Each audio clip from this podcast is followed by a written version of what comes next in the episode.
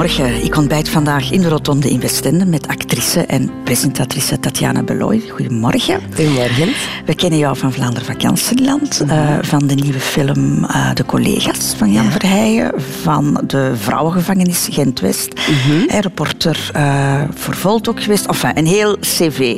Ja. En ik voegde dan aan toe iemand die pas de zee op latere leeftijd heeft leren kennen. Dat klopt, inderdaad. Ik ben inderdaad als kind altijd naar Zuid-Frankrijk geweest op vakantie, want mijn grootouders woonden daar. Dus wij kwamen heel weinig aan de kust, dus ik vind het fantastisch om hier vandaag te zijn. Radio 2. De Rotonde met Christel van Dijk. Tatjana Beloya wordt er 34 uh, dit jaar. Dat is nog jong, maar ik heb indruk dat je al heel veel en heel belangrijke beslissingen hebt genomen in jouw leven. Ik ga er een paar opnoemen, enfin, professioneel ja. zeker. Uh, je bent uh, twee keer naar het buitenland gegaan uh, om te studeren. Je bent al eens getrouwd geweest, je hebt een huis gekocht, je bent gescheiden. dat is toch heel veel? Klinkt veel, ja. Heb je zelf ook het idee dat je al veel gedaan hebt? Um, ja, ik denk het wel. Ik denk dat ik iemand ben waarvan ik weet dat ik uh, alles uit het leven probeer te halen. En ik heb um, daar ook geen spijt van. Maar het klinkt als je dat opsomt inderdaad misschien wel wat confronterend. Maar um, in het moment zelf klopte dat allemaal perfect. Het past perfect bij jouw levensmotto, hè? Ja. Uh, hoe was het weer? Uh, Live life to the fullest. Ja, dus het onderste uit de kan halen, ja. zal ik het zo vertellen? ja, en ook denk ik, als je iets wilt doen, dat inderdaad ook gewoon doen en dat proberen. Ik, natuurlijk, hoe ouder ik word, hoe meer ik daarover nadenk. Als ik bijvoorbeeld vroeger naar Amerika ben verhuisd, dan dacht ik, ja, ik wil daar wonen en ik vertrek. Nu zou ik, um, ik zou meer nadenken misschien over mensen dat ik dan toch um, verdriet zou aandoen of, of er meer over praten of dat iets rustiger doen of zo. Betekent dat ook dat je heel snel verveeld bent en, en, en, en ongeduldig ook? Um, dat je constant nieuwe impulsen wil in je leven? Ja, dat klopt. Ik, ik ben daar wel naar op zoek om maar ja, ik heb ook wel het tegenovergestelde, namelijk zo die rust dat ik nodig heb. Dus ik, uh, ik, ik pluk letterlijk de dag, of ik probeer er alles uit te halen, maar ik kan echt voor mijn eigen ook hebben en nu uh, rust. En dan, merk ik als uh, vriendinnen van mij bijvoorbeeld willen gaan dansen of willen uitgaan. Ik ga super graag um, ja, iets eten of gezellig iets gaan drinken of bij mij thuis een etentje geven. Maar de gedachte om bijvoorbeeld in een discotheek te gaan staan dansen met mensen, dat zou mij ja, ik, ik, kan me dat niet voorstellen. Dat is dan weer te druk of zo. Mm -hmm. Dus ik zoek ook wel die balans op. Wat we eerst gaan doen, Tatjana, dat is jouw Wikipedia-pagina uh, eens onder handen nemen. Oei, ja. uh, er staat nu dit op. Tatjana Beloy, Antwerpen 9 maart 1985, is een Vlaamse actrice en presentatrice. Ze werd in 2007 bekend met haar rol als Karima in Spring. En die van Bali-medewerker Lisa de Pre in Spoed. Voilà, er staat nog wel wat op, maar dit is uh, in een notendop.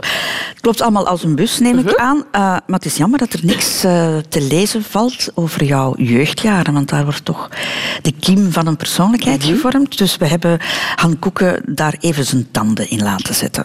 Tatjana Beloy is geboren te Antwerpen op 9 maart 1985. Mama Nadia vertelt met een glimlach over het karakter van kleine Tatjana.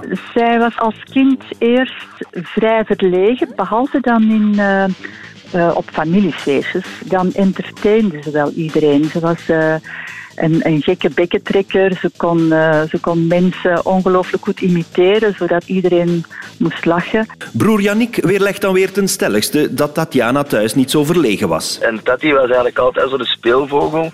Um, en ja, wat ik me altijd kan herinneren, van, uh, van nou dat ik uh, me kan herinneren eigenlijk, was ze bezig met acteren, zingen, dansen. En um, ik weet dat dat mij vooral heel veel stoorde, hè, zeker het gezang. Ook zus Sarah stoorde zich wel eens aan het theatrale gedrag. Zeker aan het feit dat ze... Al zingend van een trap kwam om gewoon te vragen om de choco op tafel te zetten. Die maakte er zo een soort van musical van. Uh, al zingend naar beneden. Kan je de choco klaarzetten alsjeblieft? Al zingend van de trap komen was een van haar favoriete bezigheden. En moeder Nadia weet nog heel goed waar Tatjana hiervoor de mosterd haalde. Ik denk dat wij honderd keer de familie van Trap hebben bekeken. En uh, zij kende alles van buiten. En Tatjana's goede geheugen bleek wel nog vaker. In het zesde leerjaar mocht ze de Creata Show presenteren samen met de jongen van haar klas, vertelt mama Nadia. En ze kende niet alleen haar tekst van buiten. Maar ook de tekst van, van die jongen van buiten. Dus je kon haar lippen zien bewegen als, als hij moest praten. En vergat zij een woord, ja, dat was geen probleem. Dan vulde ze dat even aan en uh, dan, dan kon hij verder. Volgens zus Sarah was het al heel snel duidelijk dat Tatjana wou en zou acteren. En die heeft dan ook mijn ouders kunnen overtuigen om maar eigenlijk vanaf uh, dag één van het middelbaar uh, te laten doen. Die opleiding was Tatjana bitter ernst, verzekert vriendin en klasgenoot Rilke Eikermans. Zij was altijd tip-top in orde met alles. En ik ook. Dat was altijd dat hij en Rilke zaten op de eerste uh, rij en dan uh, vijf rijen daarna zat de rest van de klas. Ijverige Tatjana was 100% gefocust. En op café gaan als puber was er zelden bij, verzekert Rilke. Wij gingen vooral naar voorstellingen kijken. Dat vonden wij heel leuk. Tatjana wist duidelijk welke richting ze zou uitgaan. De wonderenwereld van het entertainen in al zijn kleuren en vormen. Er was geen weg meer terug. En de rest is history. Maar dat is leuk om te horen. Is het echt? Verrassend, ja. Ja. Die hebben dat niet gezegd. Ah, nee, natuurlijk niet. Dat moest ook een verrassing blijven, uiteraard. Zeg maar, een kleine drama queen toch? Ja. ja, inderdaad. Ik weet, mijn broer en mijn zus die vonden, ja, zeker als kind, dat verschrikkelijk. Dat ik heel de tijd, ja, wat ze zeggen, The Sound of Music beluisterde, naspeelde. Annie. Ik aan het raam zat en dat lied morgen, dat ik bleef dat zingen en zingen. En die hadden echt zoiets, hou uw bek gewoon. Die vonden dat verschrikkelijk. De Rotonde. Radio 2. Radio 2. De allereerste afslag, Tatjana Beloy, in een leven dat is geboren worden in een bepaald gezin. Jij bent de middelste uit een gezin van drie kinderen, maar een gezin dat al heel snel uit elkaar valt. Want jouw ouders zijn uit elkaar gegaan toen jij zeven was, hè? Ja, inderdaad. Ik was zeven jaar en ik vond dat en vind dat een zeer ingrijpend iets dat is gebeurd in mijn leven. Maar wat, wat, wat kan je er nog van herinneren? Waren er spanningen of... wat ik wist thuis was dat mijn mama en papa, dat, dat, dat zat niet goed. Maar het is niet dat die vaak ruzie maakten of dat wij dachten van oh, dat ontploft hier, die moeten uiteen. Ik weet, die gingen uit elkaar. En ik wist als kind bijvoorbeeld, ik had toen een, heel goed vriendinnetje. En ik weet, die mama en die papa, die, ja, die kusten elkaar altijd als ze doorgingen of die waren heel warm voor elkaar. En ik weet dat ik zo, zoiets had van, alleen waarom doen mijn mama en papa dat niet? Dat weet ik nog heel goed, want bij die vriendin was dat heel warm en, en ja, zoals het hoort. En, en dat klopt. Ik dacht, ja, bij ons is dat niet. En ik weet dat ik dat dan zo wel eens vroeg van... Waarom zeggen jullie geen, allez, geen kus als jullie doorgaan? En dan was dat zo wat geforceerd. Dus gevoeld als kind, ja, dit klopt gewoon niet. Of, ehm, dus toen ze uit elkaar gingen... Hebben ze dat, mijn ouders hebben dat tegen ons gezegd, dat herinner ik nog goed. Wij zaten aan tafel en dan ehm, zei papa van ja, of, of, ja, of mama van ja, papa gaat in Edegem wonen, dus ergens anders wonen. Ehm, dus dat vond ik moeilijk, maar ik denk dat ik dat moeilijker vond later. In dat moment zelf denk ik als kind, ja, dan gebeurt dat en dat overkomt. En we zien wel. Maar ik vond dat zeker niet gemakkelijk. Maar jij moet dan ook nog een keuze maken waar je gaat wonen dan. Ja, ik moest eh, ja, op dat moment kiezen eigenlijk, denk ik, de ouders van hoe de situatie is. Dus bij ons was dat eigenlijk meer bij mama en dan in het weekend om de 14 dagen naar mijn papa en op woensdagmiddag. Dus plots moesten wij een weekend daar naartoe gaan. En ik weet, ja, dat miste uw mama eigenlijk wel. Maar mijn mama had op dat moment een nieuwe relatie. En wij kwamen helemaal niet goed overeen. Dus ik, ik wou ook weg van thuis door die man. Dus dat, dat, Dat is weet toch ik heel dat moeilijk, hè? Ja, dat is toch een beetje het gevoel struggle. van ik moet mijn mama afgeven. Ja, of als kind denken, ja, heel simplistisch, dat klikt niet, dus wil ik liever bij papa gaan wonen. Maar ik weet dat ik mijn mama dan wel heel hard miste. Maar gelukkig heb ik een oudere zus en die is super allee, sterk en, die heeft altijd alles goed door. En ja, die heeft ook echt voor ons gezorgd. Dus toen we bij papa waren, nam zij ook echt de moederrol. Waar ik nu ongelooflijk veel respect voor heb. Maar ik weet, op dat moment dat ik zoiets zeg, want ik wou een zus voor leuke dingen mee te doen. En geen zus die zei kamer opruimen en tanden poetsen. Maar die, ja, die eigenlijk mijn papa mee voor ja, ons gezin daar dan recht te houden. Mhm. Heb je een zekere warmte gemist dan? Thuis? Ja.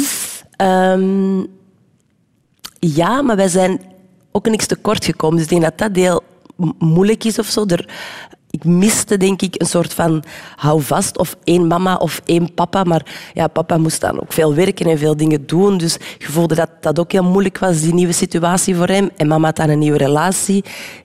Die man had ook twee kinderen. Ja, dat zijn verschillende achtergronden, dus dat, was, dat vond ik ook moeilijker. Dus ik denk dat ik een soort van warmte of één persoon miste van... ehm, ja, waar je echt bij terecht kunt. En ik weet dat ik toen in het vijfde studiejaar zat en dat ik ehm juf Hilde en dat ik daar ontzettend veel aan had, bijvoorbeeld. Dat ik, en dat hij dat ook wel voelde. Dus er waren altijd wel momenten of mensen die ik dan zo vastgreep van ja, u vertrouw ik en waar ik dan veel tegen ga zeggen. Is dat iets wat je nu nog altijd nodig hebt in, in jouw leven? Ja, ik heb mensen die ik echt ehm, vertrouw en doodgraag zie. En als ik bijvoorbeeld een probleem heb, of als ik voor een keuze sta, of als ik een bepaalde beslissing moet maken, zijn er bepaalde mensen, en dat zijn er niet zoveel, waar ik naartoe ga en echt mee ga babbelen en die ik 100% vertrouw. Daar zit niks achter of niks verborgen of zo. Dus dat zoek ik nog wel op, ja. En die, die, ja, die warmte waarover je het hebt, dat is ja, ik, ik, ik, eh, ik mis dat wel. Want je voelt, het, gezin valt uiteen en je probeert toch iets te creëren dat, ja, dat er een soort van familieband is. Maar ik zeg, met mijn eerste stiefvader klikte dat helemaal niet. Dus ik wou er eigenlijk liever niet zijn dan wel zijn. Dus ehm, ja, ik denk dat ik dat wel heb gemist. En ik was eigenlijk jaloers bij, op vriendinnen die dat wel hadden. Als ik dan zo thuis kwam, ik zeg mama en een papa en, en dat gezin. Ik dacht, oh, dat hebben wij niet of zo. Hoe is de relatie met jouw ouders nu? En mijn mama woont in Zuid-Frankrijk. Dus dat is, dat is goed en er is contact. En tegenwoordig ook door hè, WhatsApp en, en, en gsm en gemakkelijk te bereiken. Maar dat is niet van... We hebben geen ouderlijk huis waar wij bijvoorbeeld op zondag eens naartoe gaan. Of wat de meeste mensen niet leuk vinden. Zo, we moeten naar ons mama daarvoor of we moeten langs de schoonouders. Ja, ik, vind, ik vind dat wel leuk, omdat wij dat niet hebben.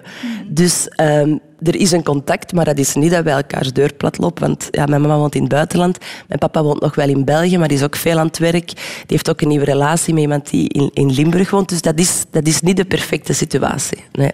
Maar met mijn broer en mijn zus is dat wel heel goed. De keuze om voor een publiek te staan, Tatjana Beloy. Ehm, we hebben het in die Wikipedia-pagina gehoord. Je hebt het ook al uitgebreid verteld. Dat zat er van, van, van kindsbeen in. Hè. Had je meteen ook het gevoel van, ik heb daar talent voor? Ik denk dat dat gewoon iets was dat ik ontzettend graag ja, doe en, en, en, en ja, in het verleden aan deed of mij mee bezig hield. Maar ehm, dat, dat was eigenlijk, of dat is eigenlijk een soort van keuze dat voor mij moest gemaakt worden. Want ik weet bijvoorbeeld dat mijn papa zei, zou je geen lerarenopleiding doen of, of toch iets achter de hand hebben voor moest het niet lukken. En ik had zoiets, ja, ik wil geen plan B, want ik, ik heb gewoon een plan A. Ondanks dat ik heel veel respect heb voor goede leerkrachten, of, of ik volledig begrijp dat dat een heel logische keuze is van een ouder om zoiets te zeggen. Want het is een, een moeilijke wereld. Ja, jouw papa was, was voetballer. Was hè? voetballer. Prof, profvoetballer. Ook niet meteen, toch zeker in die tijd niet, denk ik, de, de meest eh, evidente keuze. Dus je weet wel de Voilà. onzekerheid van En ik denk, hij heeft ook zijn glory-momenten gekend en dan ineens is dat voorbij en dan sta je in de realiteit en moet je iets verwezenlijken. Dus uiteraard was dat uit een soort van bescherming van zorg misschien toch dat je nog een opleiding achter de hand hebt. En ik had echt zoiets, nee, dat gaat niet. Ik sta op en ik weet echt wat ik eh, wil doen. En moest ik ooit iets anders willen doen, zou ik dat direct gedaan hebben, want het is, het is een moeilijke keuze. Maar ik, ik kon precies niet anders, dus ik, ik wou niet anders. Dus ik dacht, nee, ik moet voor dat plan A gaan, want als ik een soort van plan B heb, ga ik misschien afwijken van mijn plan A. Dus dat is zien dat ik denk, goh, boordevol talent, dat is gewoon iets dat ik ontzettend graag doe en mijn soort van, ja, van drive en passie doe. Dus voor mij was dat vanzelfsprekend om zoiets te doen. En ook om eh, die studierichting dan, dan uit te gaan. Hè? Ja, zoals ik vorming net gedaan. zei. Ik kwam daar op een plek en iedereen was daar aan het dansen en zingen. En, en ehm, je komt in contact met, met, met homo's en, en, of die schminken zich. Je denkt, wauw, iedereen uit zich op een manier dat hij of zij wil zijn. En dat kan hier en niemand wordt kwaad. En dat wordt alleen maar gestimuleerd. Yes. dat voelde echt als, dit is mijn plek. En inderdaad, daar kwam ik dan nog ehm, ja, Rilke tegen. En wij waren alle twee super gemotiveerd. En zoals ze zei, wij zaten echt als twee zeuten op de eerste rij van voor. En ja, die motivatie, die, die droop er gewoon af. Dus dat was echt van dag één partners in crime van, dit is, dit is leuk. Ja, dat was een gelukkige tijd dan eigenlijk. Ja, dat was fantastisch. Ja.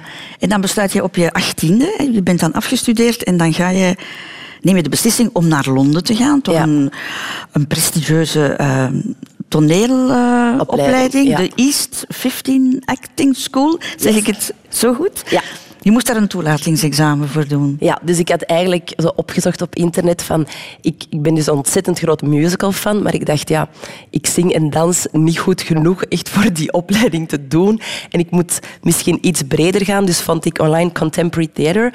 En dat was eigenlijk een hedendaagse opleiding waar je ook leerde ja, schrijven en devisen, dus zelf ontwikkelen, dingen in elkaar steken. Um, ja, hedendaags theater. En ik dacht, ja, dat is iets voor mij. Dus dacht ik, als ik 17 jaar ben, um, moet ik op die school in de zomer, ik zag dat die summer courses hebben, een cursus volgen, dat ik die school al een beetje leer kennen. En dan moet ik... Um, kan ik misschien daarna auditie doen? Dus ik had alles afgeprint en ik kwam naar beneden. Ik weet dat nog en ik zei van mama, ik zou graag daar een zomercursus volgen en ik zou het jaar daarna daar graag willen studeren.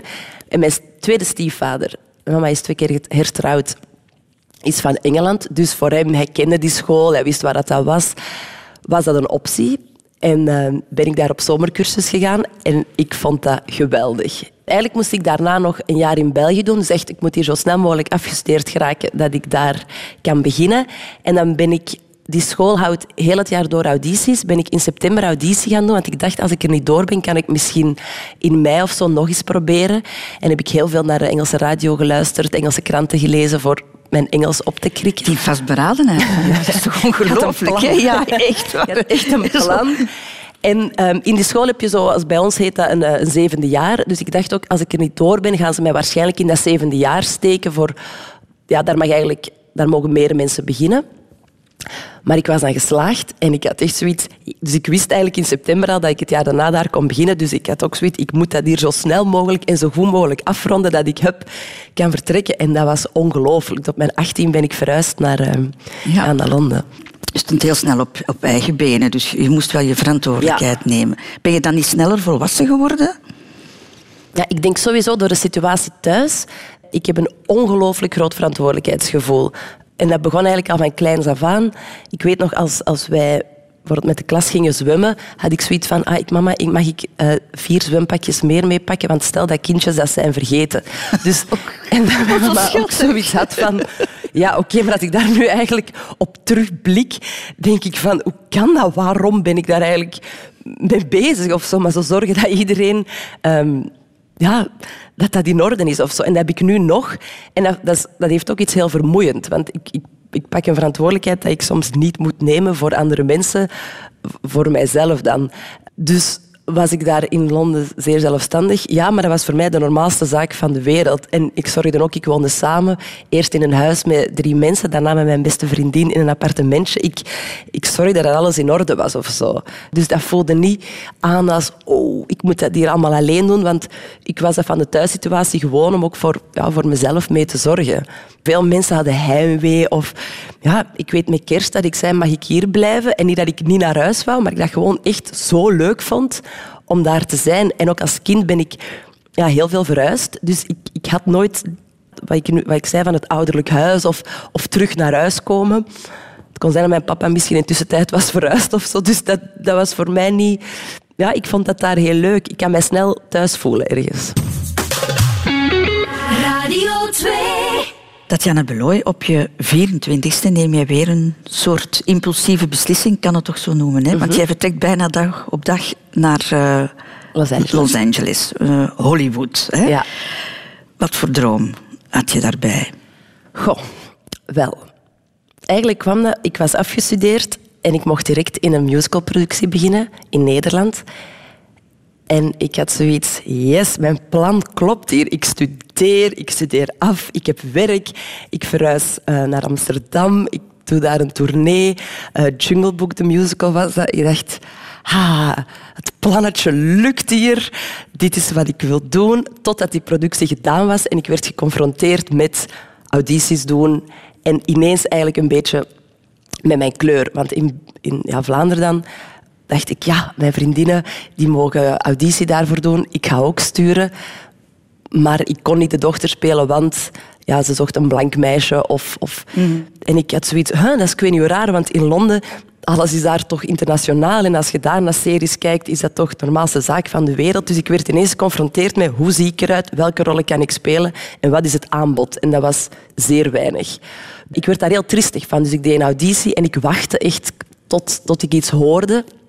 En als dat niet kwam, of als dat te lang duurde, ik, mijn wereld stortte ineen. Ik dacht, dit, dit hadden wij toch niet voorbereid? Dit, dit is toch niet wat we gingen doen? Ja, maar je had ook terug naar Londen kunnen gaan en, en jij beslist dan om, om, Ja, om inderdaad. naar LA te gaan.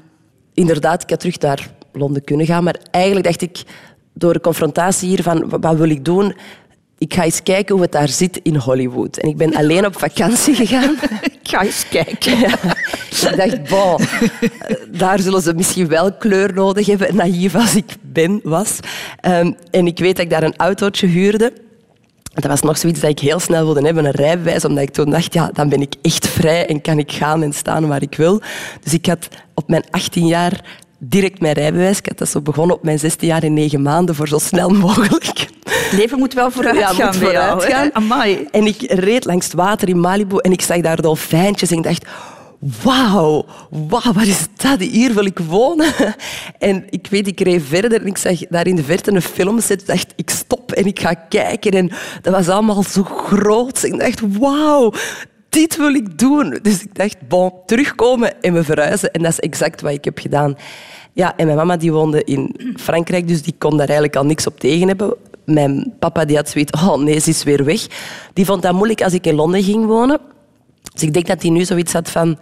Er is geen andere keuze, ik moet ehm, maar beter volgen, anders zit ik met een wrang gevoel. Hè. Dus toen ik naar Londen verhuisde, had hij het daar denk ik wel moeilijk mee. Heeft hij niet gezegd, maar ik voelde dat wel. En ik denk met Elena dat hij weer zoiets had, wat is het nu weer? Ja, mijn, eh, Is de wereld weer te klein? ja, Wat, wat heeft ze nu weer in haar kop? Terwijl mijn broer had zoiets, alright, ik kom je veel bezoeken. Dat was eigenlijk mijn grootste steun. Had zoiets van, tof, ik doe dit. Ehm, ik steun niet. En je hebt dat ook heel drastisch gedaan, hè? want je hebt inderdaad hè, jouw appartement opgezegd, jouw auto verkocht en het uitgemaakt met jouw lief Ja. zelfs. Nochtans, dat was een, een, een goede relatie. gast. Ja, ja, ik vind haar nog altijd een hele toffe gast. En ben al bang dat jullie daar ook een fragment van hebben. ik denk dat hij nu zoiets heeft van ja, die was daar helemaal nog niet klaar voor. En dat, dat, is ook zo. Die jongen is ondertussen heeft die, eh, heeft twee kindjes en is volgens mij heel gelukkig, hoop ik. Ehm, maar ja, dat was. Ik dacht, ja, ik was daar niet mee bezig. En dat is misschien terugkijkend op mijn jeugd van ja, liefde, allemaal gewoon wel, maar dat zal toch misschien kapot gaan of dat, of dat lukt toch niet. Dus ik wil mij concentreren op, op mijn dromen. Dus dat was, een, dat was op dat vlak zeer egoïstisch en ik heb die jongen ontzettend veel verdriet aangedaan. En dat is wat ik bedoel. Nu zou ik daar allemaal veel harder over nadenken. Maar ik dacht toen, nee, dat is gedaan, oké, dat is gedaan, check. Dan dat appartement. Dus dat was voor mij iets, hoe zet ik de volgende stappen? Ja, en dan ben ik effectief, ja, heb ik een ticket gekocht. Ik had een beetje spaarcenten, niet veel. Ik weet dat ik toen aan pensioensparen deed, omdat denk ik, mijn ouders of mijn boekhouder ooit eens had gezegd, dat ik dat er ook ben gaan afhalen. Ik denk dat dat toen eh, 150 euro was of zo. Dat ik dacht, yes, daar hebben we extra. dat ik, ik wil dat stopzetten, ik moet dat terug hebben. Ik heb dat nu nodig. En dan ben ik eigenlijk vertrokken. Ja, en daar werd ik geconfronteerd met realiteit. Want ja, natuurlijk kon ik daar niet gewoon werken of, of, of lagen de rollen aan mijn voeten. Dat was echt hard werken om mijn huur te betalen, zijnde van tien uur s morgens tot vier uur s middags en van vijf tot sluit in een ander restaurant. Dus heel mijn glamour-idee van Malibu met de dolfijnen was echt 's morgens huilen en voetpijn en goede schoenen om het allemaal recht te houden eigenlijk. Ja. We zullen daar zo meteen voort over babbelen. Radio Radio Over de afslagen van het leven. De Rotonde. Tatjana Beloy, we hebben het net gehad over hè, jouw grote droom naar eh, Hollywood te gaan. Dat doe je dan ook vrij, vrij dra- drastisch, hè, met alles achter te laten hier. En dan kom je daar eh, in L.A. en dan valt het allemaal een beetje tegen. Dus ze zitten daar niet echt op jou te wachten. Absoluut niet. Nee. Ehm, ja, veel mensen zeggen dat, of in elk interview zeggen ze ja, het valt dan tegen of het is mislukt. Maar voor mij is dat, ja, misschien is dat een soort van positivisme, maar wel gelukt. Want ik heb daar ontzettend veel geleerd. Ik heb daar ook geleerd van, ehm, ik moet misschien niet weglopen van de dingen en ik moet ze durven aangaan. Ehm, ik zie eruit hoe dat ik ben, maar iemand die blond is, zal ook misschien vaak voor gecast worden als de blonde, de iets dikkere voor de dikkere. Het is gewoon hoe dat het is. Ehm, dus ik, ik, ik, ik ben daar wakker geschud of zo. Dus voor mij is project LA ontzettend hard gelukt. Ik heb daar veel geleerd. Ik heb daar ook heel leuke tijden beleefd. Ik heb daar fantastische mensen leren kennen. En ik heb qua levenservaring echt twee jaar lang ja, een les gekregen dat ik in België nooit zou geleerd hebben. En het heeft niet aan jouw zelfvertrouwen geknaagd? Nee, ik kwam eigenlijk terug met ontzettend veel zelfvertrouwen. Raar maar waar. Omdat ik zoiets had van, oké, dat lukt hier niet of dat loopt hier toch niet hoe dat ik wil. Dan moet ik dat stopzetten, moet ik terugschuiven. En ik dacht, wat doe ik nog heel graag? Buiten acteren, dan kwam ik terecht bij reizen. En ik dacht toen, oké, dan stap ik naar Vlaanderen Kanseland en ik vraag daar voor een job. Waarop ze eigenlijk zeiden bij Vlaanderen Kansland, veel mensen willen dit doen, meisje. um, hier ligt een berg cv's. Ik zei, nee, ik wil u toch zien, ik wil u toch spreken. Al is het maar vijf minuten dat ik toen naar de eindredacteur ben gegaan. Ik denk dat ik echt geschikt, ik weet dat ik geschikt ben voor deze job. En ik denk in een soort van, oké, bon, dan zullen we u toch maar spreken. En zo ben ik wel begonnen daar. Dus ondanks dat dat in LA mislukt is, heb ik daar geleerd, bon, als je iets wilt, moet ik ervoor gaan, moet ik niet opgeven en assertief zijn. Assertief zijn. Dus niet onbeleefd of, of dat pushen, maar wel gewoon van proberen. Want anders beland ik inderdaad maar mee op die stapel. Ja, dus uh, niet wachten tot ze jou bellen, maar gewoon zelf bellen. Ja, want mijn geluk ging daar vroeger heel hard vanaf. En dan in L.A. had ik net hetzelfde van, oh, dat is hier, ik weet niet hoe moeilijk, dat papierwerk en, en alles doen. Dus dacht, nee, we gaan naar België. Daar is het echt goed. Daar zijn goede mensen. Mijn, mijn beste vrienden zijn daar. Want dat is ook wel heel mooi dat ik in heel die periode van dat ik ben weg geweest nog altijd goed contact had met mijn vriendinnen en vrienden in België. Was je daar eenzaam ook soms? Eigenlijk niet zo. Ik vond dat soms wel moeilijk of echt verder. Londen, België, dat is, ja, je springt op de trein als je wilt, ben je een paar uur later thuis. En Lee, daar zit echt wel iets tussen. Ik weet als mijn zus toen een kindje had gekregen, dat ik echt voelde van, ah ja, ik, ik ben toen teruggevlogen. En daarna moest ik weg. Ik dacht, amai, dat is echt ver. Mhm. Uh, en mijn zus zat toen ook in een andere levensfase, dus die is ook nooit naar L.A. gekomen. Dus ik voelde, ja, dat is wel een afstand. Ja. Terwijl dat ook uiteindelijk niet zo ver is. Maar op dat moment voelde dat ver. Maar qua eenzaamheid, nee. Kan ik zeggen dat je voor je, dat je naar L.A. vertrok, dat je eigenlijk niet echt een, een, thuis nodig had, dat je weg, weg, weg wou, hè, dingen verkennen, de wereld verkennen, Mhm. en dat je daar in, in L.A. De, de waarde van, van een thuis en van, een, van, een, van warmte van een gezin hebt leren waarderen?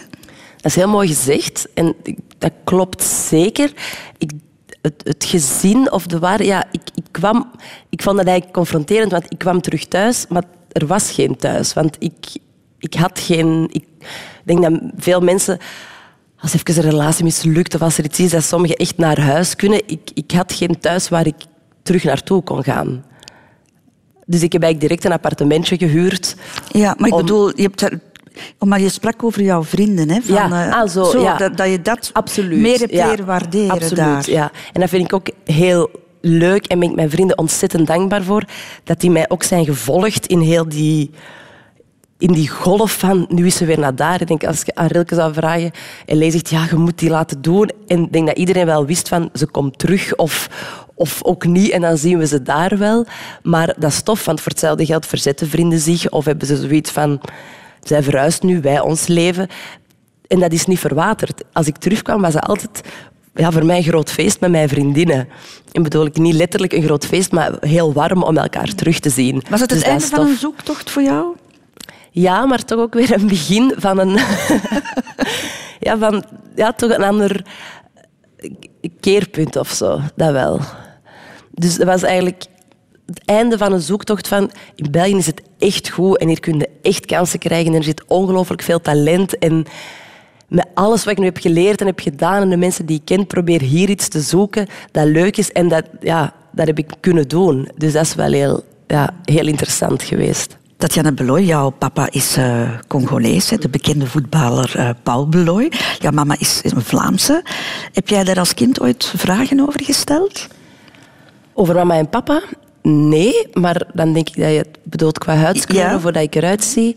Ja, want wij waren, mijn broertjes en ik, de enige kindjes op school die gekleurd waren. Is dat zo? Ja. Dus ja, je, je ziet dat je, dat je anders bent dan de anderen.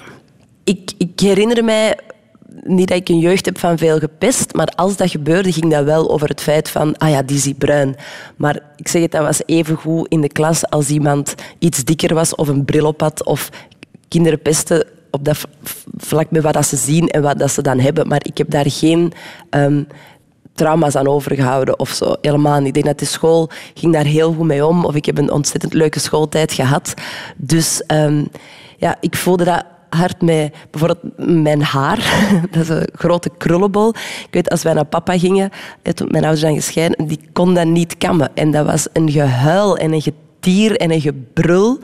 En ik weet op een gegeven moment dat hij zoiets had, ik ben het beu, dit gaat eraf. En mijn zus zat in haar puberteit en die foto's van mijn zus op haar wordt 14, 15 jaar, heeft ze ook kort broske. Dat ik echt denk, hoe kun je dat je kind aandoen?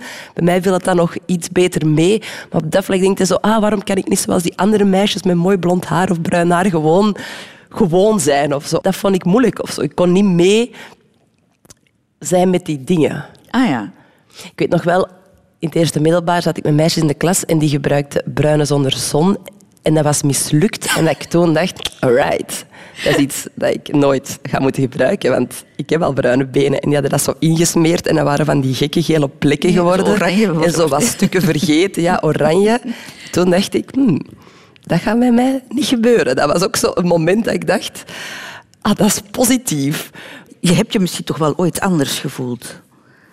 Of... Ja, maar die confrontatie daarmee kwam eigenlijk later met, met acteren van je wordt gecast, hoe dat je eruit ziet, of dat zijn de rollen die je kan spelen. Terwijl voor mij dacht ik, oh, maar ik ben toch ook zoals als de rest. Dus dat vond ik een moeilijkere confrontatie. Op het moment dat ze zeggen van die en die en die rollen, dat is iets voor u.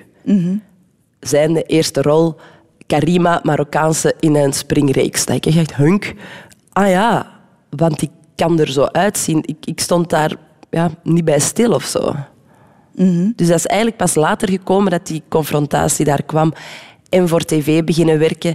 En mensen die niet met mijn haar kunnen werken of die niet de juiste kleur. Ik weet zelfs nog bij VRT dat ik echt eens heb liggen huilen door iemand die zat op haar hand te zoeken naar de juiste fond de teint. En dat ik echt dacht, kom maar, je weet dat ik hier zit. En zorg dat het in orde is. En daar werd ik zo nog altijd zo onzeker van. Dus op, op, op die momenten probeer ik mij in te dekken met mensen dat ik weet, ja, die kunnen mij versterken of, of, of dat gaat zeker oké zijn. Ik stress daar nog altijd voor. Omdat ik denk, ja, je, weet dat ik moeilijke raar heb. Of ja, dat is, ik zie dan die een kammetje boven het over dat ik denk, dat is kapot na de eerste trek daarin. Die tentjes, ja, dat, dat is ook zo. Of, of zo'n zo klein potje met olie, denk ik, dat moeten er overkappen. Voor dat, allee, dat is echt anders. En dat, dat vind ik zo moeilijk. Of als kind, ik weet nog dat iedereen altijd aan mijn haar wou komen. Moest ik geld krijgen voor de keren dat iemand die krullenbol heeft aangeraakt. Ik zou ontzettend rijk zijn. Dat was echt omdat dat anders is. En mensen vonden dat dan schattig of dit. En ik werd daar gek van. Altijd, altijd die handen van... Oh. Echt, laat dat gewoon. Ja, wij waren anders. En dan nog eens vegetarisch en gescheiden. We waren de enige kindjes in de klas van gescheiden ouders. Vegetarisch en met een krullenbol. Om getraumatiseerd te zijn voor je verdere leven. Ja, had ik je weet alles nog wel. zo op, op bosklassen op, met school dat de vegetariërs aan de aparte tafel moesten zitten. En dat was ik. En ik zoiets had, maar er zijn er geen anderen. Mag ik dan niet gewoon die omelet dat ze dan gaven, gewoon bij de rest opeten of zo. Dus dan werden zo in dat hoekje geschoven. Vandaar dat, dat dat zo'n openbaring was. Ik kunstenmajora in Engeland. En ja, met andere mensen of zo. Dat Ja. was leuk. Klopt het dat jouw vader jou soms in bescherming nam als je auditie ging doen? Ja, dat is een verhaal dat hij regelmatig vertelt. En dat was bijvoorbeeld, dus zoals mijn mama zei, ik keek naar The Sound of Music en ik kende alle stapjes en alle choreografieën en alles. En er was op een gegeven moment een auditie. En ik zei, ja, ik wil auditie doen. En ik denk dat die zoiets hadden, meisje, jij kunt niet in die rij gaan staan van kindjes, want daar is Vlaanderen misschien nu wel, maar toen nog niet klaar voor. En dat hebben ze toen zo niet uitgelegd, want het is dat er bij ons thuis zo open over werd gesproken. Jammer genoeg. Maar wel in bescherming nam van... Ja, ik zal zeggen, waarschijnlijk heeft hij gezegd, die audities zitten al vol of iets verzonnen. En uiteindelijk is dat een goed leugentje voor best wel, want nu zou dat gaan, vroeger zou dat niet gaan. Ja. Ik weet bijvoorbeeld, ik keek altijd naar Annie, die film, en ik vond dat zo goed. Nu is er zo een, een nieuwere versie met een, een bruin meisje. En ik weet, mijn nichtje kijkt eraan en dacht, oh, dat is zo goed. Die heeft een, een voorbeeld. De enige die ik toen had, of kleurling die er was, was Alida van de Boomhut. Ah ja, Alida Neslo. Ja, voor de rest was, er, was dat er niet. En als ik nu bijvoorbeeld van ouders krijg van zeg, wat doet jij in je haar, want mijn kind heeft ook krullen. Of, of oh, dat is wel leuk, mijn kind is ook een mulat of, of een kleurling en ehm, die vindt dat heel leuk om op, tv te zien. Dan, dan vind ik dat zo leuk om toch zoiets te hebben. Ah ja, want ik had dat vroeger ook niet. En dat is misschien inderdaad wel leuk voor, voor kindjes om dat te hebben. Dus ik, ik vind dat een leuke rol om uit te spelen. Nu, het klinkt misschien cru zoals ik het nu ga verwoorden, maar geeft jouw kleur jou ook niet een beetje werkzekerheid? Ik bedoel, als ze iemand zwart nodig hebben, dan bellen ze toch naar jou. Klinkt dat cru? Nee, het klinkt niet cru. Ik denk dat dat nu een voordeel is en dat dat vroeger een, een nadeel is. Ik weet bijvoorbeeld, eh, bij VRT moeten er bepaalde quota's gehaald worden. Ik denk nog wel altijd dat je het wel moet waarmaken. Want ik heb Vlaanderen Kansland een lange tijd gedaan. Moest dat echt verschrikkelijk slecht geweest zijn, kleur of geen kleur, denk je moet je ook nog wel altijd bewijzen. Mhm. Ik herinner bijvoorbeeld dat eh, Jan Verheijen, hè, Mhm. die speelt mee in de collega-film, die zei het eerste wat ik wou veranderen aan die film was eh, de diversiteit op de werkvloer. Want Ja. de collega's van toen, dat klopt niet meer. Inderdaad, ja. Ikram ehm, en ik, wij zijn de kleurlingen daarin. en ik weet nog dat ik het scenario las en mijn personage is Evie Donkers.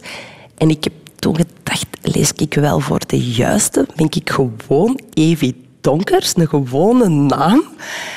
Ja, dat was zo. Dus dat is leuk. Ja, dat- ik vond dat tof dat ik dacht, ah kijk, zie, Jan wil daar kleur in, maar dat is niet dat ik hier ehm, als Marokkaanse of soort Afrikaanse moet. Dat is gewoon, hij wil kleur in de collega's. Dus dat is, dat is leuk. Radio 2. De Rotonde. De liefde, Tatjana Ah, we zijn er. Blij dat we daarover beginnen. We hebben het al even over gehad. hè. Je ouders zijn gescheiden toen jij, jij zeven was. En dat heeft eh, jouw kijk wel beïnvloed hè, op het gebied van, van de relaties en, en, en liefde. Ja. ja, mijn mama die is twee keer hertrouwd. En ik vind dat zeker oké, want ik ben pro mensen die voor hun geluk gaan. Dus als iets niet goed zit, ehm, denk ik dat je niet snel mag opgeven. Maar als het niet meer gaat, of als je ongelukkig bent, vind ik dat zeker oké dat mensen een beslissing nemen. Ehm, voor mij was dat eerder iets van... Ja, dat, dat, dat kan niet echt een relatie, of dat loopt toch wel mis of zo. Want ja, uw jeugdjaren zetten u. Ik denk dat dat bij iedereen zo is. Als je terugkijkt, dat alles vaak gaat naar vroeger of dat u getekend heeft. Mijn zus die had zoiets van... Een relatie moet lukken. Die is ervoor gegaan. Die is al tien jaar samen met haar man. Die heeft twee kinderen, dus die is het tegenovergestelde als ik. En ik had zoiets superleuk als er een man in mijn leven is, maar als dat voorbij is, dan is dat maar zo. Waardoor ik eigenlijk nooit 100% mijn hart heb durven openzetten. Omdat ik zoiets had van, ze gaan mij hier ook niet kwetsen, want dat gaat hier toch voorbij zijn of zo. Dus ik heb ontzettend leuke relaties gehad, maar de fout die ik daar zelf in heb gemaakt, of wat ik nog niet durfde, of nu pas klaar voor was, was eigenlijk echt ja, die kwetsbaarheid Wanneer heb je dat beseft? nu, in mijn relatie nu, dat ik echt denk van, amai, het kan ook, ja, het kan ook anders of zo. Of ik, ik, of ik durf dat aangaan en wauw, wat een, wat een, echt wat een roze wolk. Nu snap ik wat dat mensen zeggen of, of hoe dat, dat voelt. Of zo. Ik had daarvoor, um, probeerde ik dingen in de hand te hebben. Dus ik, ik, ik wou ehm, niet afhangen van iemand. Dus ik zorgde dat ik mijn appartement heb of dat, of samenwonen moest bij mij, dat, dat ik zo wat de touwtjes in handen had of zo. Dat, dat, dat ik daar een controle over had. Ik gaf ook wel veel, want ik, ik smijt mij wel, maar zo tot een, een bepaald punt of zo. Dus als dat bijvoorbeeld dan ging over kinderen of, of dat ik zoiets, oef, nee, nee, nee, nee, dat ik ook dacht, weet ik moet dat misschien gedaan maken, want die, hebben een, een- die, die willen iets wat ik die ook niet kan geven. Als ik kijk naar mijn exen, die hebben allemaal kinderen, of bijna allemaal. Dus dat ik ook dacht van, ja, ik, ik, ik kan die dat nu niet geven, want ik wil morgen in de auto kunnen stappen en doen wat ik wil. En dat is wel verminderd. Je, zou moeten, je moet weg kunnen wanneer toen, Ja, hè? ik vluchten. wil nog altijd, bij wijze van spreken, doen wat ik wil, maar ik wil nu rekening houden en daarvoor niet. Maar voor mannen had dat iets ehm, ja, bevrijdend of zo. Wauw, en we kunnen dat doen. En die gingen daar wel in mee, maar op een bepaald moment, vandaar, dat was ook een jaar, anderhalf jaar en dan stopte dat. Want op zo'n moment willen mensen... Bon, gaan, we, gaan we samen iets kopen of gaan we samen iets doen? En dan was dat voor mij... Stopte dat of zo. Was jij meestal degene die er een punt achter Altijd, zette? ja. Waar ik, waar ik niet fier op ben, maar dat mij wel zit van... Als ik voel, of als ik die echt bijna leuk... Echt leuk, dan, dan, dan liep ik weg. Dus dat ik die confrontatie niet durfde aangaan. Wat niet wil zeggen dat ik die mensen niet graag heb gezien, maar zo... Als ik voel, oeh, dat wordt hier kwetsbaar, dan moet ik afsluiten, want ik wil mijn eigen niet kwetsen. Zoiets. Maar toch heb je ooit de stap gezet, Tatjana, want je bent eh, in L.A. getrouwd met een, met een Vlaming, hè? Ja, mijn Vlaming. Ehm, die nog, eh, nog altijd mijn allerbeste vriend is. En we hebben ontzettend leuke tijden gehad. En ik ben iemand die zeer naïef in het leven staat en heel hard in the moment.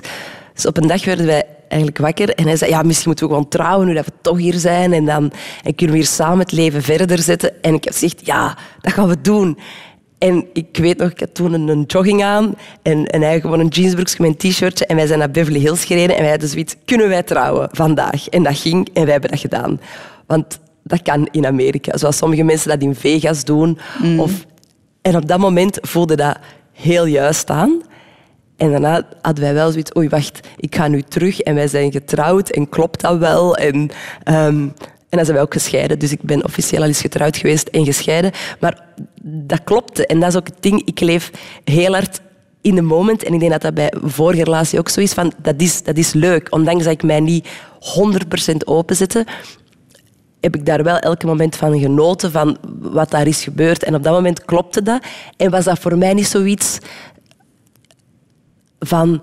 Ja, dit is voor het leven. Dat was van, wauw, gaan we dat echt doen? Waarom niet? We doen dat. Dus dat dat iets rock and roll of zo.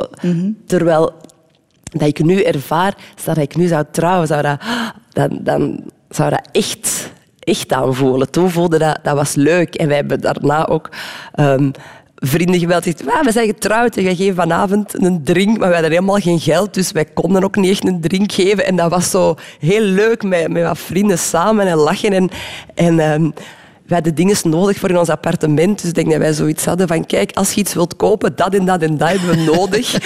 en ik weet dat ik mijn mama belde en zei, zeg, als, als kinderen trouwen, krijgen, krijgen kindjes niks van, van hun ouder. Mama had zoiets, goh, ja, met mijn zus, die had dan de lunch gekregen. Ik zeg, dat budget, mag ik dat ook voor in L.A.? Want ik ben vandaag getrouwd. En het is zoiets wat? Die konden daar niet echt... Mijn, mijn broer die vond dat ook niet grappig of zo. Dus ja, ik vind dat helemaal niet erg dat dat gebeurd is omdat die vriendschap dat er nu is, dat is zo eh, mooi en echt. En die twee jaar leeft mij zo hard gevormd en gezet dat, dat ik die mensen nooit ga laten vallen of zo. En die liefde, ehm, fysiek en zo, dat is helemaal voorbij, maar voor die persoon is er nog wel. En ik vind dat ook heel mooi dat mensen dat kunnen, kunnen begrijpen dat dat zo is. Ik heb... ehm, ik, vind dat soms raar, want mama en papa die, die spreken niet meer met elkaar en die zijn uiteen, hè, inderdaad sinds mijn zeven. Ik vind dat, ik vind dat jammer. Ik heb zoiets ja, met, met een jongen waar ik iets mee heb gehad en dat is dan mislukt. Of, of als- dat is door mij, omdat ik mij niet heb opengezet, sowieso. Dus ehm vind ik dat leuk om er nu nog mee overeen te komen. Heel kort nog. Zou je de stap nu bewust nog eens willen zetten? Voor te trouwen? Ja, ik hoop het wel. Ik hoop dat je mij vraagt. Hè. Luisteren, hè, schatje? Je bent er bijna 34, Tatjana Beloy, dus eh, je zal al wel eens de vraag krijgen, zeker, of je al aan kinderen denkt. Absoluut. Die vraag eh, die wordt gesteld. Ja. Vind je dat vervelend? Nee, ik vind dat niet vervelend. Om, ja, met alles wat ik heb gezegd, ik, ik, was, of ik ben daar niet klaar voor. Of, of ik was daar niet mee bezig. Wat eigenlijk ook wel ehm, ja, normaal is als je bekijkt wat ik allemaal heb gedaan. Of ik denk, als je aan een kind begint... Ik doe heel veel spontaan, maar ik denk dat dat iets is dat je niet zomaar even spontaan doet. Dat is toch wel iets heel speciaal, denk ik. Of dat moet het toch doen, of dat wil ik toch doen met iemand ja, die ik dan echt vertrouw, of dat, dat ik voel. Dus ik vind die vraag krijgen niet vervelend. Ik snap dat ook. Ik werk eh, voor Kidnet. Ik organiseer ehm, superstar-stages voor kinderen. Ik heb ontzettend graag die energie van kinderen. Ik ben heel ondernemend. Ik vind dat een eerlijke energie ook met kinderen werken. Die, die spontaniteit, die oprechtheid. Dus ik snap de vraag. En Maar heb je 34 daar al een antwoord op? Op de vraag of ik zelf kinderen Ja. wil of dat ik daar klaar voor ben, ik heb geen, ehm, geen klok dat tikt. Of ik, ik voel warmte voor, voor een kind, maar ik, ik heb nog niet zoiets, ik moet dat nu of ik wil dat nu. Ik denk, de relatie die ik nu heb, dat zit heel goed. Als ik dat ooit zou willen, zou dat kloppen, omdat dat bij hem is. Mijn vriend heeft al een kind, dus wij hebben ook om de week een kindje in huis. En ik vind dat ontzettend leuk. Maar ik vind dat ook ontzettend leuk als wij een week ehm, kindloos zijn, omdat wij dan ook heel leuke dingen doen. Dus op zich is dat voor, voor mijn situatie is dat, is dat perfect. Ja. Mijn vriend zou natuurlijk elke dag zijn kindje bij hem willen hebben. Maar het, het gaat ons goed. En wij zijn op dit moment anderhalf jaar samen. En wat ik zei, van, ik, ik durf mij openzetten, dat, wordt, dat is kwetsbaar, dat is mooi. Ehm, dus ik wil, dat, ik wil dat allemaal niet overhaasten. Maar, Maar dat is wel de eerste keer dat ik daarover nadenk. Is het echt? Ja. Nu, je hebt al een aantal partners gehad Mhm. met kinderen. Je, je vriend nu en jouw eh, ex-partner, Adriaan van den Hoofd, die, die, heeft, eh, die heeft ook twee kinderen. Dus uiteindelijk word je wel in een bepaalde rol al geduwd. Als, Ja, ik weet dat ik na de relatie met Adriaan, waar ik ontzettend veel heb geleerd, zoiets had van stiefmoeder zijn, dit doe ik nooit niet meer. Ik heb geen recht om die kinderen van hem nog te zien. Je, je, je laat veel achter, je hebt een band gecreëerd. Ik vond dat zo moeilijk. Maar ik had zoiets, dat, dat, wil ik mijn eigen niet meer aandoen. Ik vond dat voor die kinderen ook moeilijk, want ik dacht, ja, ik, ik weet wat dat is om, om gescheiden ouders te hebben. Nu maken die terug zoiets mee. Ik voelde mij verantwoordelijk, ik voelde mij tristig. Ik, ik had zoiets, dit doen niet meer. Tot ik verliefd werd op eh, mijn huidige vriend. En ik weet dat ik toen twee opties had en dat ik dacht, of ik loop weg, want ik heb tegen mijn eigen gezegd, dit doen nooit meer. Of ik ga dit aan. En dat was zoiets mooi tussen ons en zoiets oprecht en echt. En ook ja, van zijn kant, want dat is in het begin altijd een beetje zoeken en aftasten. En wij hadden alle twee zoiets, we gaan dit doen. We gaan ons daarin smijten en we gaan dat doen. Dus ik heb toen ook losgelaten van die gedachte van, ja, maar wat als het fout loopt en wat met dat kind en, en hoe gaan we dat doen? Ik dacht, nee, ik ga mijn best doen. Hij gaat zijn best doen. En ehm, we gaan ervoor. En toen is er mij iets overkomen dat ik nog nooit had meegemaakt qua openheid, qua kwetsbaarheid en qua liefde. Dat ik echt zoiets had, wow, dit heb ik al die jaren gemist en dit is echt. Dus ik ben heel blij dat ik dat aan doen ben. Natuurlijk speelt er soms iets mee van, stel dat dat fout loopt of wat als. Maar dan denk ik, ja, dat is zo mooi. Ik kan niet voorstellen dat wij dan niet meer overeen zouden komen. Omdat hij is ook eh, een kind van gescheiden ouders. Dus je babbelt over de dingen. Je beseft dat zijn dezelfde normen en waarden. Dezelfde gedachten daarover. Dus ik, ik, ik weet hoe dat je omgaat met mensen. Van, dat is warm.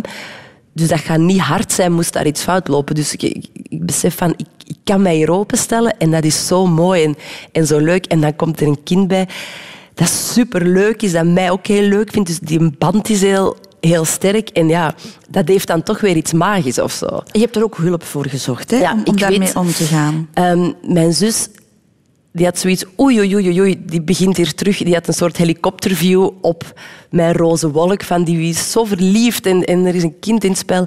En die zei dat hij, ik heb via via ehm, een coach, Erik Frank heet hij, en hij ehm, is supergoed. Ik, ik, ik weet dat van vriendinnen, heeft bepaalde dingen gedaan. Ik denk dat je daar eens mee moet gaan babbelen. En ik dacht, oké, ik stond daar niet weigerachtig tegenover. En effectief, ik heb dat gedaan. Ik, heb dat ook aan, aan ik vertelde aan mijn vriend. Hij had ook zoiets van, ah, misschien moet ik eens meegaan. Dat dat, dat bespreekbaar wordt. En ik, ik, ja, ik raad heel veel mensen aan om zoiets te doen. Want dat is een heel neutrale opinie dat je krijgt.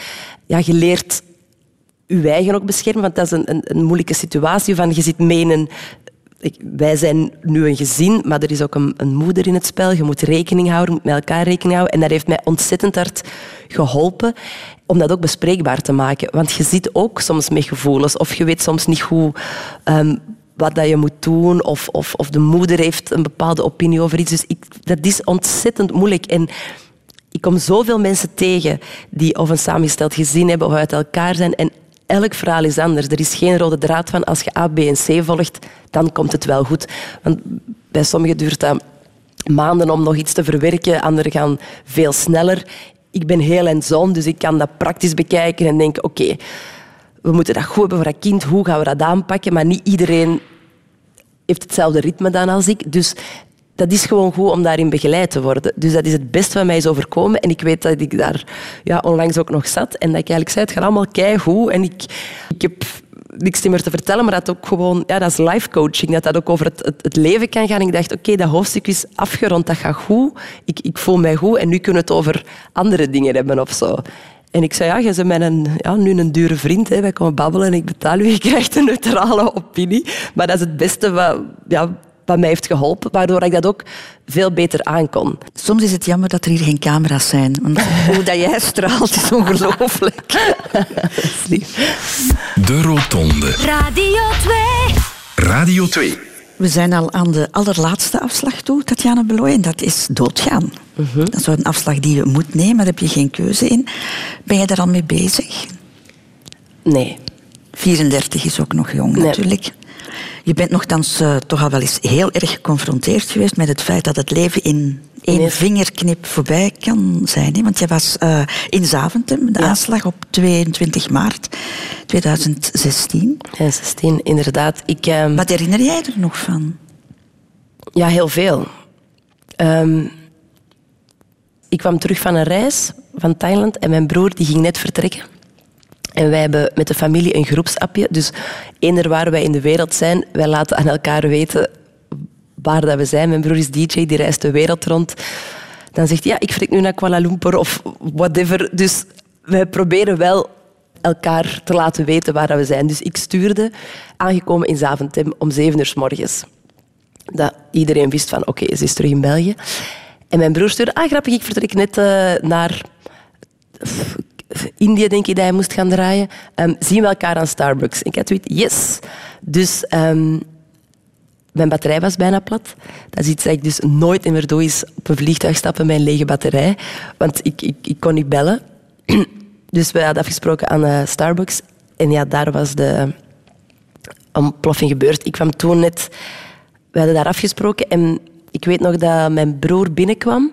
En ik kwam Eva Daleman tegen die daar zat. Dus ik dacht, ah, ik ga even hallo zeggen. En hij deed teken van... Mijn broer deed teken, ik ga al inchecken, ik zie u zo. Omdat hij zag dat ik aan het babbelen was. En toen is eigenlijk die, ja, die eerste bom ehm, afgegaan. En ik had meteen door dat dat een bom was. Dus ik ben naar buiten gelopen.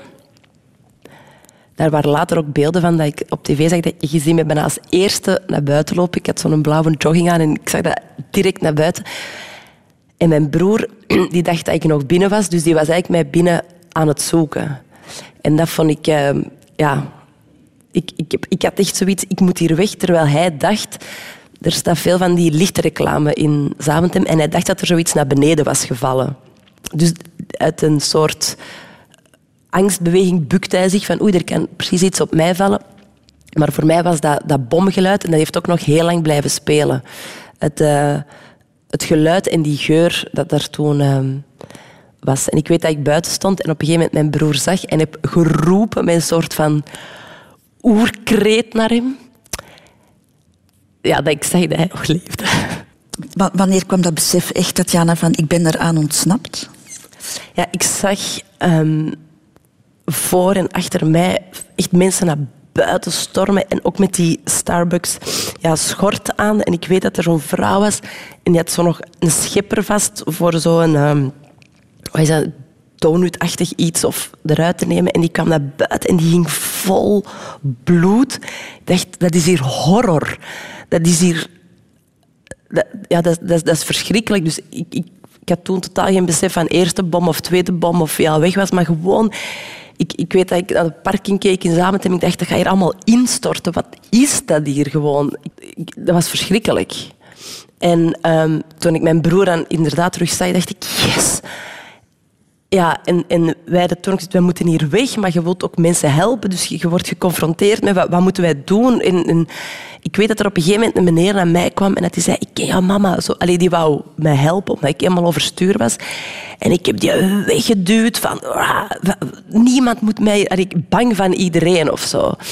Ja, om daarna eigenlijk te beseffen van, dat is hoe dicht dat wij stonden. En wij hebben niks daaraan overgehouden. Dus ik ben letterlijk ja, naar buiten gelopen zonder eh, paspoort, zonder bagage. Echt alles laten staan en weg.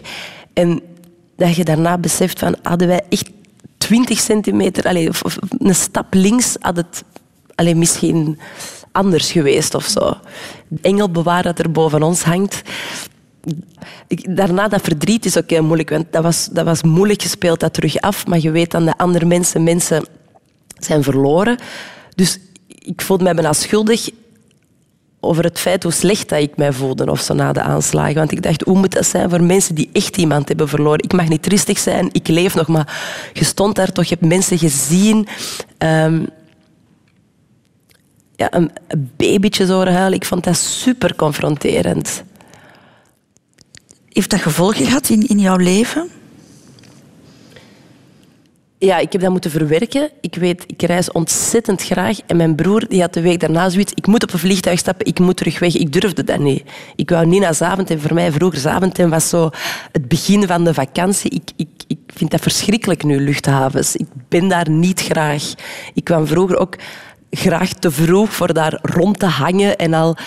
Ja, dat was voor mij zo het begin van de vakantie. Nu denk ik, kom, hup, voorhand inchecken, zo snel mogelijk door en weg. Ik, ik heb echt lang gewacht. Allee, lang gewacht. Ik heb gewacht om terug op vakantie te, te gaan of op, op een vliegtuig te stappen. En heeft het jou in het algemeen ook angstiger gemaakt? Het, het maakt me angstiger op het gebied van... Ik weet dat ik bijvoorbeeld een paar maanden daarna naar theater ging en ik had een plek ergens in het midden en dat ik dat absoluut niet wou. Ik wou echt aan de zijkant zitten voor weg te kunnen. Dus ik merkte op plekken waar het druk is, dat ik direct uitgang... Wacht, waar kan ik weg? Check. Dat aan mij... ehm, dat ik altijd zocht, hoe kan ik hier weg? En een geluid... Op een gegeven moment was ik ook een, een, een show aan het doen voor en er viel iets.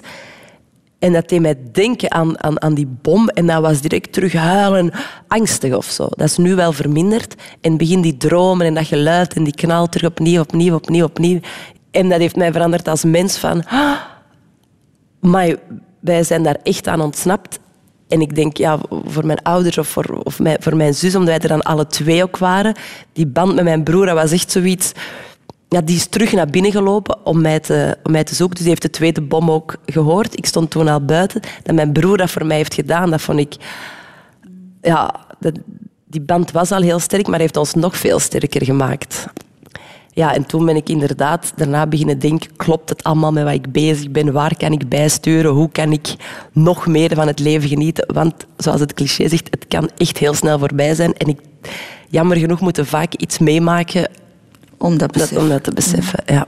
Tatjana Beloy, eh, hartelijk dank. Het was heel fijn om jou als mijn gast te hebben. Eh, ik vond het ook fijn om te horen hoe vastberaden jij altijd bent geweest, van jongs af aan eigenlijk. Hè? En de drive die je eh, altijd hebt gehad om, om jouw dromen na te jagen. En het evenwicht dat je nu gevonden hebt. Fijn toch? Ja, inderdaad. nog één ding. mijn gastenboek. Eh, zou jij daar nog iets in willen schrijven? Ja. Lieve Christel, dank je om uit te nodigen op deze magische plek. Dank je wel om twee uur te praten over mijn leven. Doe mij nadenken. Ik kijk door het raam en ik denk, ik neem zo even de afslag naar zee. Wat een prachtig zicht. Merci voor het gesprek. Het is een eer hier te zijn. Tatjana Beloy.